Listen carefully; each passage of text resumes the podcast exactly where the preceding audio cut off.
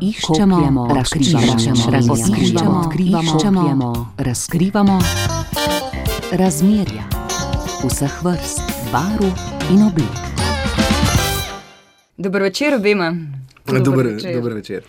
To, kar zna in ve Neli Rep, ne poučujejo na nobeni univerzi.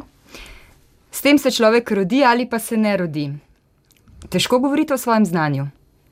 Ja, do neke mere. Kako bi ljudem na nek preprost način razložili, kaj sploh delate? Kaj delam?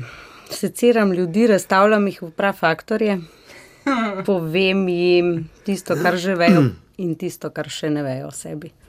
To se sliši kar kot neka znanstvena fantastika. Če ne obstaja šola, če to znanje ni zapisano v knjigah, kako se razvija v vas, kako, odkot se učite? Vsak človek prinaša s sabo v to življenje vse znanja, ki jih je kdajkoli pridobil, in se vtiska v naše biopolje, odkjer kasneje lahko to tudi črpamo, in ravno to počnem jaz. Uh, Igor, kaj rečete? Ste stranka, ste pacijent, ste občutljivi glede te oznake? Ja, zdaj hodim gotovo kot prijatelj. Ko sem začel, sem bil pacijent, pa sem imel pa velikansko srečo, da sem šel še v šolo. Njej In uh, se pa šolam tudi, ne se, se skozi šolamo. Se pravi, Igor je eden izmed strank, ki k vam hodijo recimo več kot leto dni, slabi dve leti, ki se redno vračajo. Koliko krat prihajajo k vam stranke, oziroma kako poteka to zdravljenje ali pa tretiranje pacijentov? Ljudje ne prihajajo po leto in več let, ampak je v bistvu sta dve terapije dovolj, ukolikor ni resnično neka bolezen avtoimunskega sistema, kot je kakšen rak ali kaj podobnega. Tiskati je potrebno več obiskov, sicer pa zadostujeta dva. Igor, ko ste slišali Neli, ki je rekla, seciram ljudi, razstavim jih v prav faktorje, ste to vedeli že prvič, ko ste šli, vam je, vam je tukaj grozljivega ali je to nekaj normalnega? Kako ste to čutili, če sploh ste? Ja, na začetku seveda ne veš, da, da te bo secirala, mogoče nekje pričakuješ kaj takšnega, ali pa si celo želiš, čeprav tega na glas ne poveš.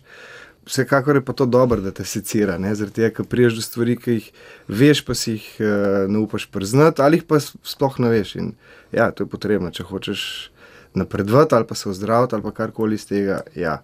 Vas je zanimalo, kaj bo delala z vami, ali ste se ji popolnoma prepustili? Vam je razložila? No, v bistvu ne. V bistvu ne. Mislim, želiš si jo potem, ne? ampak na začetku, ko prideš, pričakuješ samo, da boš boljš. Zdaj, kako do tega pol se temu posvetiš bolj, kako ona to dela, kako to deluje, in tle pa milijon vprašanj, ki se se še vedno postavljajo. Mhm. Zakaj ste jo prvič obiskali? No, to je v bistvu sta dva odgovora, en kratek, en pa dolg. Ne, kratek je zato, ker sem hotel, da mi je bolje v življenju, da bom bolj srečen. Dolg je pa enostavno, uh, gre za to, da nas ne uč- naučijo v, v življenju, vem, v šoli nas ne naučijo tem, kako samega sebe uporabljati. Ne naučijo nas, kako uporabljati svoj um, se pravi, nek racijo, ne, ne naučijo nas niti uporabljati kako telo, kaj šele da govorimo o energetiki oziroma o nekem energetskem telesu in tako naprej. In tle sem pričakoval, da bom kaj novega zvedel in tudi sem. Ko ljudje rečejo, ne, zdaj grem pa k karmični zdravilki. Um, jim razložite, čutijo potrebo, sicer, če pogledava na splošno vaše stranke, vaše pacijente, jim razlagate, kaj delate z njimi, na njih. Eh, V bistvu že vsak, ki se obrne uh, name na pomo po pomoč, uh, ga zanima, seveda, že preko telefona, uh, kaj pravzaprav počnem. In kaj, če mu rečete, seciram ljudi na prav faktorje, vsak pride vseeno? Ne, ne odgovorim tako, ampak povem, da pač pri tej karmični diagnostiki uh, se v bistvu di diagnosticira oziroma išče vzrok za nastalo težavo. Da šele potem, ko človek ve, zakaj je zbolel, se lahko zdravi. Pa kaj vse sploh vpliva na človeka, da, da sploh potrebuje vašo pomoč? Dobro, se slabo počutiš teden, 14 dni, ampak ko to traja leta in ko se res obrneš na človeka, ker imaš problem, do katerega nimaš dostopa, kaj menite, kaj se vpliva na njega? V bistvu na, na to, kdo mi smo, zakaj imamo neke težave v življenju na določenih področjih, vplivajo pretekla življenja, karma. Se pravi, kar smo sejali, to bomo želi. Uh, potem sam namen duše, se pravi, in izkušnja, ki jo, duša, ki jo ta duša v tem življenju potrebuje. Starši, predniki, tudi tukaj se prenaša na nas. Uh, vpliv okolja, se pravi, kolektivna zavest in pa tudi konstelacija planetov. Hmm. In kako v enih ali dveh terapijah, kot ste rekli, da poprečna človek uh, potrebuje pri vas, se dotaknete vsega, um, obdelate vse to, kar ste našteli, prejšnja življenja, starše, okolje, namen duše, tega je kar dosti. V bistvu ni pri vsakemu vse to, ne? kot ne vem, nek, nek vzrok za nastanek travme. Gleda se v bistvu, kje nastajajo te blokade, ali je to na osnovi prednikov, ali je to karmično povezano s preteklim življenjem. Morda je uh, najhujša travma se zgodila v času um, bivanja v maternici. Uh, ker vemo, da mama zelo intenzivno prenaša vse svoje občutja, počutje, uh, vsa svoja čustva, ki jih doživlja na svojega otroka. Mhm. Tako da vsak je specifičen, pri vsakem se posebej postavlja diagnostika in se gleda, kje so nastali te vzroki za neke težave. In tu moški in ženska ne igrata različnih vlog, to se dotika tako moških kot žensk. Tako je. Uh mhm. -huh. Igor, ste kdaj jokali pri spineli? Ja, veliko krat. je bilo prvič težko jokati, se zjokati, pokazati svojo ranljivost? Ne, jaz sem moderen moški, ki se ne sramuje svojih čustev. Oziroma, tle ne gre za to, da kaže svoje čustva, ampak tle gre za enostaven, tako rekoč avtomatičen odziv na neke spremembe, ki se dogajajo v tem procesu zdravljenja. Tako da je to normalno, to moraš delati. Ali se smiš ali pa jokaš, jokaš pač osnovna dva čustvena odziva. Uh. -huh. Bi se pa navezal na tisto, kar je prej Neli govorila uh, iz mojega, ker pač izhajam uh, iz zelo nekih racionalnih postavk, oziroma sem bil, oziroma sem še zelo močen na tem področju, v smislu, da mi je bilo pomembno. In uh, kljub temu, da sem v narkovajih nek racionalist, ugotoviš slejko prej, da obstaja. Um, Oziroma, ugotoviš, si priznaš, prebereš kakorkoli, da obstaja neko energetsko telo, In v trenutku, ki si to priznaš, uh, je vse lažje, zaradi tega, ker obstajajo neke zakonitosti, ki nas seveda niso, v njih nas niso naučili in uh, so zelo enostavne. In uh, potem je življenje lažje, ker imaš odgovor na vprašanje, ki ti jih drugače ne dobiš. Ste kdaj razmišljali o tem, koliko se svoji terapevtki. Razkriti, do katere mere, koliko je to za vas še varno, Koli, na podlagi česa ste si pridobili zaupanje? Kako si pridobila zaupanje? Tako da je bila eh, strahotno iskrena, ne do mene, eh, mislim, da je bila iskra, strahotno iskrena o meni, in eh, v končni fazi sem mogel to tudi priznati.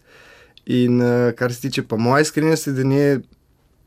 Jaz se lahko na začetku sem se mogoče malo farbo v smislu, da ne bom vse povedal, oziroma niti sam si nisem upal tega priznati, v končni fazi pa ve več od mene. Tako da tle ni bilo kaj se skrivati ali pa ne, ker je pač to se je pol mhm. pokazalo, vedela več o meni, kot samo sebi. Mhm.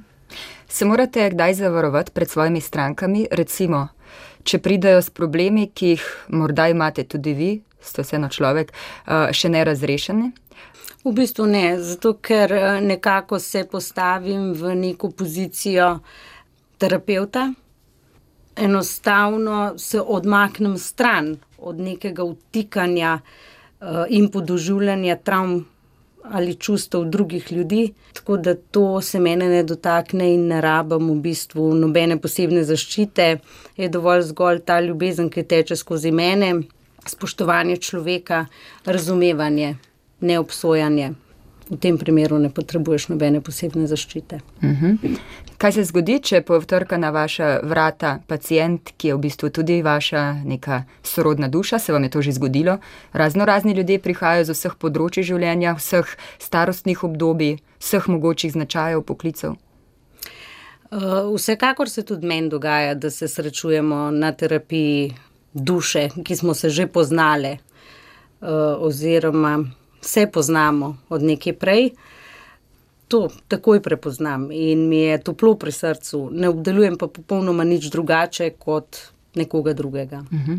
O prejšnjih življenjih oba govorita, kot bi govoril o danes, včeraj in jutri. Mm, se vam zdi, da smo ljudje že pripravljeni na to tematiko kot na nekaj povsem normalnega?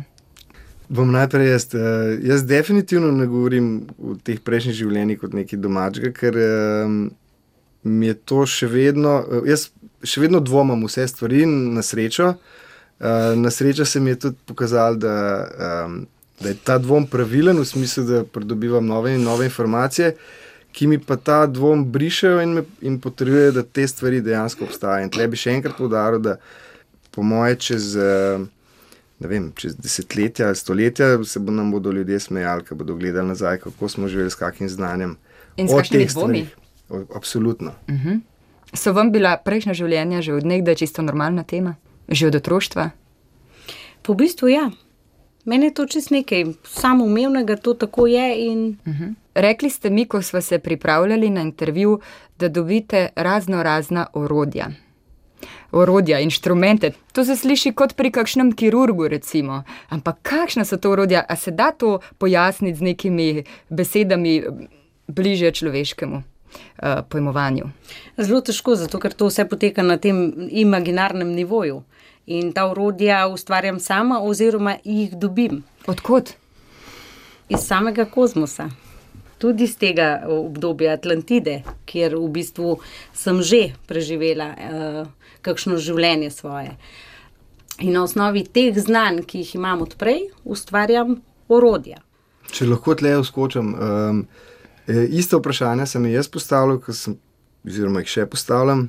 Zelo prideš do zaključka, da en stavek pomeni, da je misel vse mogočno, to dejansko v tem primeru deluje. Skratka, um, težko je, če gledaš z tega realnega sveta, kjer pač primaš mizo, se dotakneš stola in veš, da to obstaja, razlagati stvari. Kjer se jih ne moreš dotakniti. Tako da, da pač jaz sem si razložil in ugotovil, da dejansko ti to kreiraš na, na, uh, v polju uh, imaginarnega in potem govoriti o realnosti, v tem je tako rekoč ne mogoče. Uh mhm. -huh. Je pa podobno kot kirurg. -huh. Moraš natančno vedeti, kaj boš uporabil, kje boš uporabil, v kolikšni meri. Mhm. -huh. Tako kot ve kirurg, koliko more zarezati, če ne je lahko škoda. Ob tem se ne hote ali pa hote pojavlja vprašanje, Kako ste sami pri sebi razčistili s tem in kako razčiščujete svojo okolico? Verjetno marsikdo reče, ona je nora. Ne, to so stvari, ki jih res ne poznamo. No, meni je danes to kompliment, če mi kdo reče, da sem nora. Eh, sem pa doskrat lahko slišala, da sem nora. In, uh, je bilo reč, to za vas težko? Ja, sem se res sprašvala, kaj pa če sem. Uh -huh. uh, se pravi, kar je čisto ok, da prevetriš tudi ta del, da si prideš na jasno. To drži, ne drži, uh -huh. s tem, da sem potem vse te svoje uvide preverjala tudi pri drugih ljudem, ljudeh, ki se ukvarjajo s tem, in tako sem spoznala, da sem normalno nora.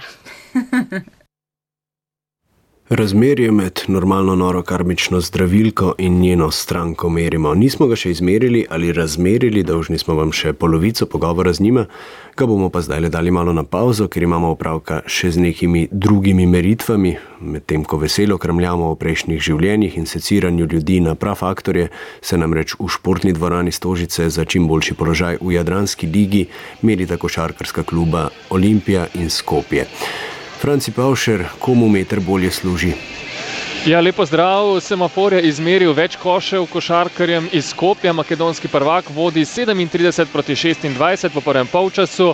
MZT iz Skopja, ki ga vodi nekdanji slovenski selektor, ki je v tej vlogi premikal menike naše reprezentance in je očitno odlično preštudiral olimpijino igro. Vedno je bil še posebej motiviran proti največjim moštem in pa seveda tudi proti olimpiji, ki je nikoli ni vodil, pa čeprav je vodil številne slovenske klube. Torej, Aleš Pipan je odlično pripravil svoje skopske varovance, ki so že povedli 4 proti nič. Štiri minute najprej sploh nismo videli nobenega koša na tekmi, Olimpija pa je svojega prvega dala v peti minuti s trojko Jake Blažiča, kasneje pa se ni nadaljevalo prav nič bolje in MZT je povedal že v sedmi minuti z osmimi točkami prednosti 13 proti 5. Olimpija je v vsem prvem polčasu dala le tri koše za dve točke, vse tri je dosegel Alen Omic, sicer pa ogromno težav v olimpijnem napadu. Na srečo je potem kasneje dve trojke še zadev Dylan Page, vse ostalo pa je plot prostih metov, ki jih je Olimpija na srečo dobro izvajala, 11 jih je zadela v 14 poskusih in pravzaprav so se zgolj s prostimi meti košarkarji Olimpije reševali. Na svoji strani so pustili ogromno prostora pod košem, tako da so izigravali košarkarji MZT-ja Olimpijino obrambo kot za šalo, dosegli v prvi četrtini že 19 točk, Olimpija pa da nima v prvi četrtini zgolj 4 osebne napake, od tega 3 v napadu.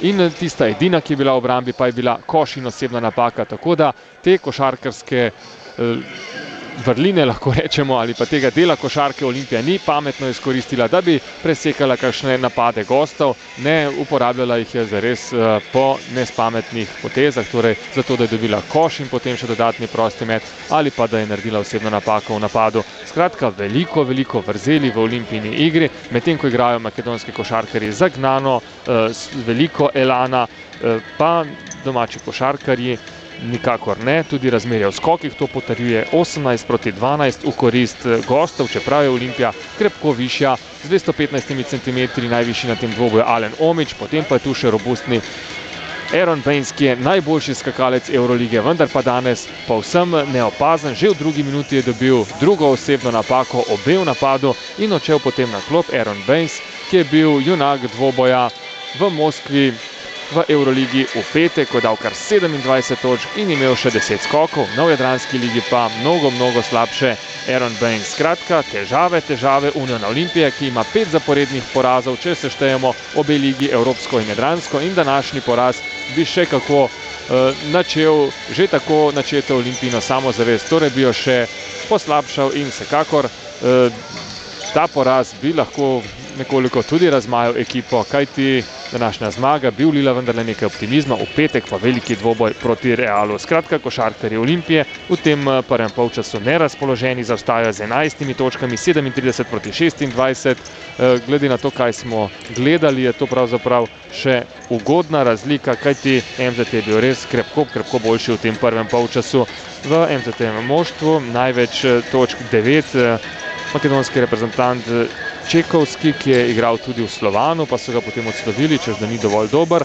No, v Olimpiji pa 9 točk, Dylan Page, dve trojki je dosegel in pa potem še zadev tudi tri proste mete. Igra MZT-a danes spominja na makedonsko lani na Evropskem prvenstvu v Litvi, ko so bili velikanska senzacija, sicer pa upamo, da bo drug polčas povsem drugačen, da se bo Olimpija pobrala, da bo unovčila svojo premoč tudi pod košem, kajti nije v tem prvem polčasu in torej, da se bo Olimpija prebudila in eh, vendarle prekinila ta niz petih zaporednih porazov.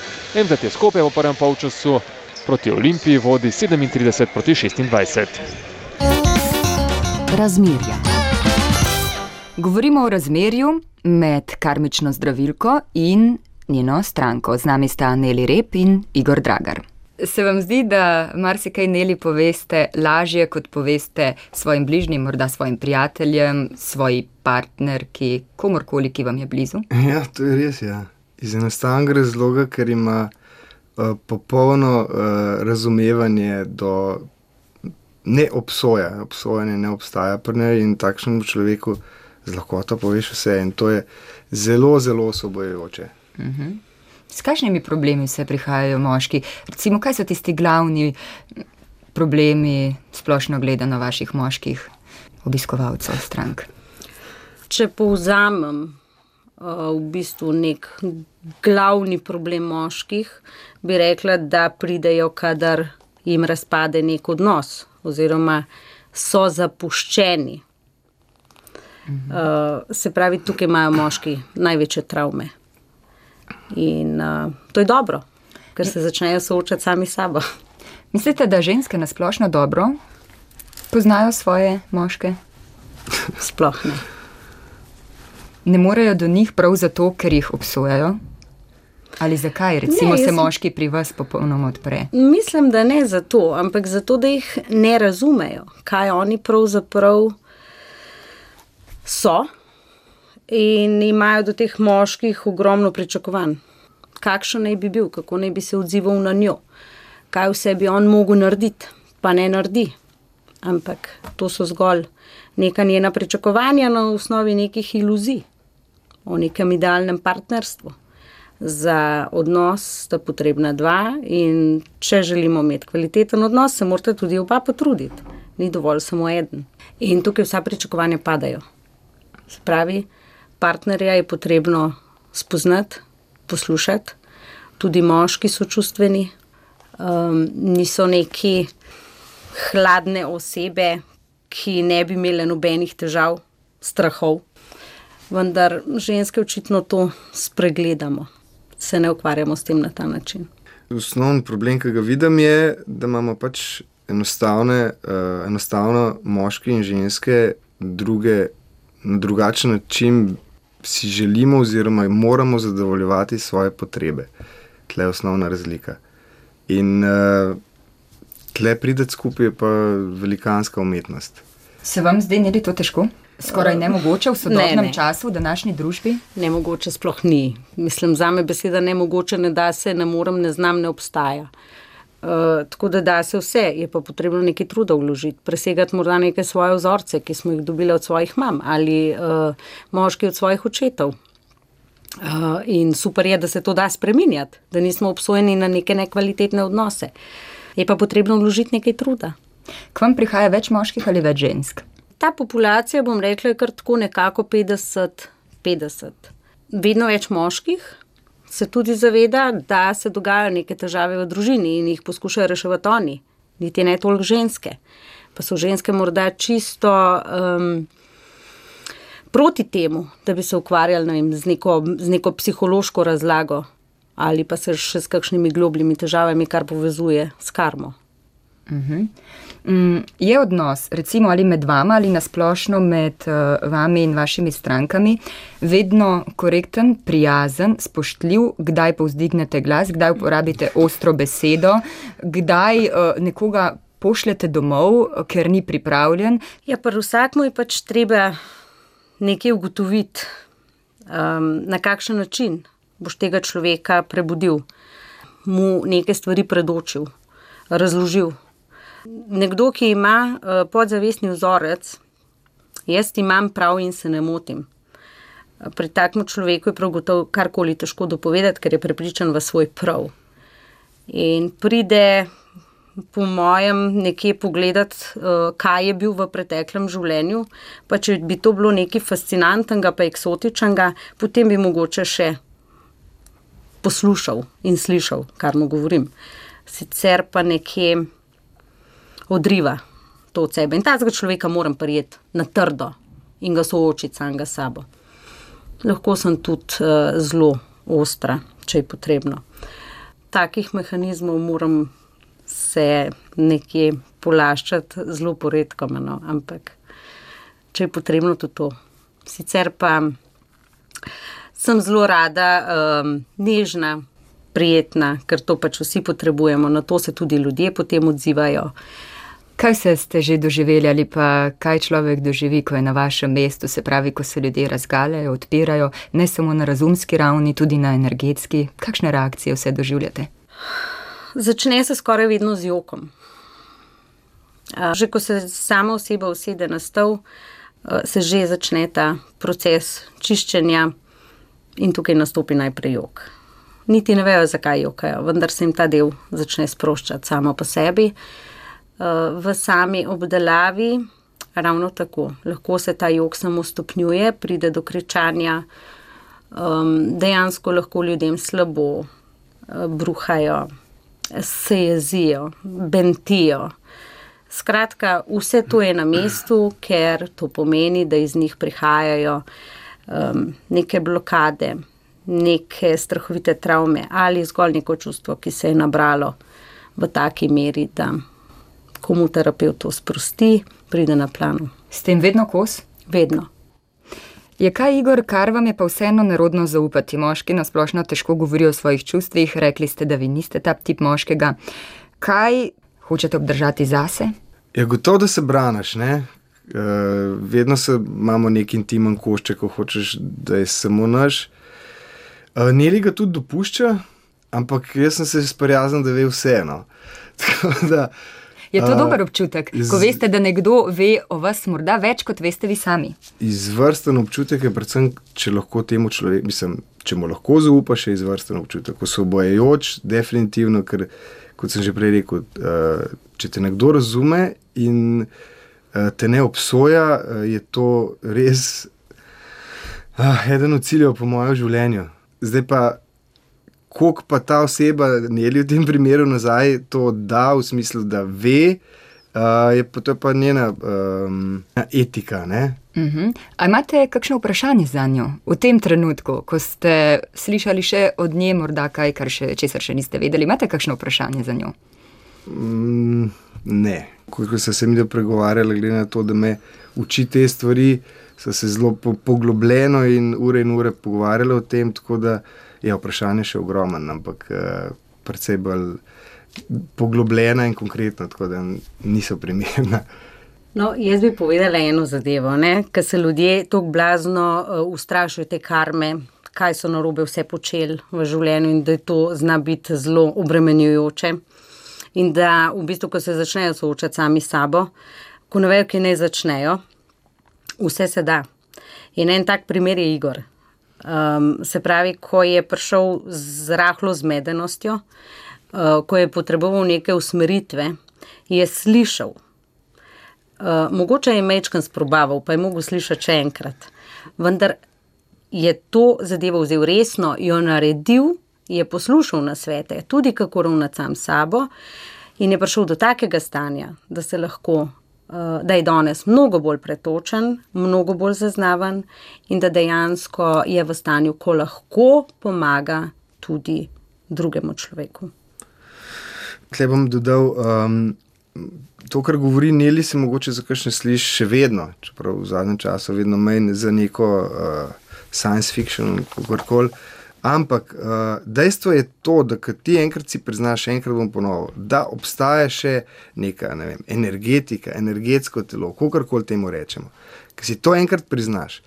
Uh, predvsem to lahko tudi prebereš v zadnjih deset let, je neuroznanost dokazuje točno stvari, ki so, ki so do zdaj bile samo v polju ezoterike. In ker si ta racionalni človek, kot sem bil jaz, prizna, da to obstaja je naenkrat najde čarobno palčko, s katero se rešujejo stvari in problemi, ki so bili do zdaj nerešljivi. Je pa res, da ta čarobna palčka je samo v smislu odkritja, da obstaja nekaj, kar nas niso učili. Dejstvo pa je, da še vedno tle en, ena zelo pomembna stvar, ki se reče disciplina. Ne, in to je ena od stvari, ki sem se dnevno zelo naučil, ki je v meni ni bilo, uh, zdaj sem pa tak, nosi ta prapor, da, da prosim, disciplina, osnovna stvar do uspeha, sreče, kako koli. O, o pripravah ste mi izrekli en izredno močen stavek, ki ga bom ponovila, pa ga lahko komentirate. Rekli ste, ne li rep, mi je rešila življenje. Ja, tako kot sem živel, zdaj vem, da bi me pripeljali v še večjo nesrečo. Pač osnovna stvar, dve stopni stanja sta biti srečen ali pa nesrečen. In jaz sem šel po poti nesreče, zdaj pa definitivno sem veliko bolj srečen človek in eh, to je to. Um. Kaj bi rekli o ljudeh, ki jih družijo, o odnosih, ki jih družijo bolečina, problemi, nesreča? Zdi se mi, da je dan danes mnogo takih odnosov, ki v bistvu so vzpostavljeni in se držijo skupaj prav na podlagi tega, da drug drugemu uh, izražajo svojo bolečino, nezadovoljstvo in tako naprej. Kaj bi vi rekli o tem? To me spominja v bistvu tako, kot bi se človek usedel v nek čovn, uh, v reko, bi se spustil s tem čovnom in ne bi veslal ali pa ne bi hotel. Z obrežja pa vsi upijejo, kaj naj počne ampak ne vejo, kakšen močen tok ima ta reka. Se pravi, zaletava se, uh, ne vem, vse, kar gre mimo njega, oziroma pride do njega, se zopet zaleti v njega. Se pravi, to je človek, ki ne ve niti kaj hoče, ko ima polno strahov, ki je neodgovoren. In v tem primeru potem tudi odreagirati ne more, ne more ven iz tega toka, stran od ljudi, ki ga vlečajo v ta tok. Uh, Skratka, nekaj je treba odločiti se, pa obrniti v življenju. Tle bi jaz sam dodal to, da ja, veliko stvari lahko sami, mislim, vse stvari sami naredimo. Ne, ampak eh, te bistvene spremembe v smislu uh, nekih zapisov, ki obstajajo na nekih, ne vem, v nezavednem ali pa kakorkoli, ene stvari pa človek ne more sam in tle rabi pomoč nekoga, ki to zna. In to se mi zdi zelo bistvena stvar pri vseh ljudeh, ki berejo te knjige o duhovni rasti. Ne vem, kaj se. Ja, tam je vse fajn zapisan, več ali manj, no, ene stvari tudi ne. Ampak dejstvo pa je, da lahko mi preberemo, ugotovimo, kaj je narobe. Pa trdim, da si ne moramo sami pomagati, se motim. Ne, to je dejstvo. Zato, ker je to uh, v bistvu ucepljeno v našo podzavest, to je tisto nezavedno, ki se niti ne moramo zavedati, uh, kaj to je.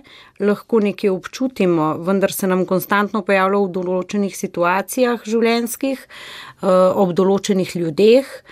Um, in enostavno ne vemo, kako rokovati s tem, kako se tega osvoboditi. Kako se sploh dotakniti verjetno tega. Tako. Uh -huh. Za konec vas vprašam, bi lahko našim poslušalcem, poslušalkam dali en, en delček, en uvid v to, kar delate, se pravi, nek sporočilo za slovence, da vzamemo slovenski narod kot pacijenta. Ne zamerite mi, tudi jaz sem slovenka. Po bistvu jaz bi tako rekla, da življenja nikakor ne smemo imeti tako resno, kot je. To je največji problem na slovencev. Da znamo sprejemati situacije takšne, kot so, ljudi okoli sebe, ravno tako in pa konec koncev pride do sebe, zgraditi odnos sam s sabo. To. Jaz, to. jaz bi sam tle dodal en stavek, ki mi ga tudi Neli uh, dala na pot. in to je, uh, res se je treba truditi, da vse stvari, ki jih počneš, da se zraven zabavaš. Uh mhm. -huh. In meni ta stavek izredno pomaga. Kamorkoli, česarkoli se lotaš, je to, da greš s prijateljem ali greš pa na pomemben sestanek, ali pa imaš vem, odločitev v karieri, kakorkoli, za, pri tem se moraš zabavati. Ker na koncu, ko pač odideš, ne, je črta in sta samo dve, dve dva stolpca. Eden sem se imel fajn, pa nisem se imel fajn. In unmo, ker nisem se imel fajn, naj bi bilo čim manj minut, ur ali pa dnevov. No, in pri tem še eno vprašanje. Ljudje se mi zdi, da vedno bolj hočemo v vsaki situaciji, z vsakim človekom, vedno samo uživati, se imeti dobro, se zabavati. Verjetno pa ni vsaka situacija za to primerna. Ne? Človek želi vedno več, ni zadovoljen z nečim, kar je normalno, z nečim, kar je umirjeno, kar je skladno. Ja, nekje smo podvrženi tem, več ali manj vsi, ne? nekim ugodnim situacijam, med se fajn. Fajn se imamo lahko tudi, če smo tiho mi ne govorimo. Da ne bo pomote, zabavati se ne pomeni samo žurati. Pa, ne vem, ne, zabavati pomeni, da se uh, zabavaš se lahko tudi v kontemplaciji ali pa rešuješ, pomagaš prijatelju, tako da ne bo ta beseda na robu razumljena. Ne. Pomeni samo to, da ne greš v negativno čustveno polje. To to. Da uživaš vsem, pač kar ja, delaš. Ja. Ja. Ja, hvala lepa obema, da ste prišla. Hvala, Hvala tudi vam. Lahko noč. Lahko noč. Iščemo, razkrivamo, razkrivamo, iščemo, razkrivamo razmerja vseh vrst, barv in oblik. Taja Cukato je pripravila razmerja, v katerih sta tokrat gostovala karmična zdravilka Neli Rep in njen reden gost Igor Dragar.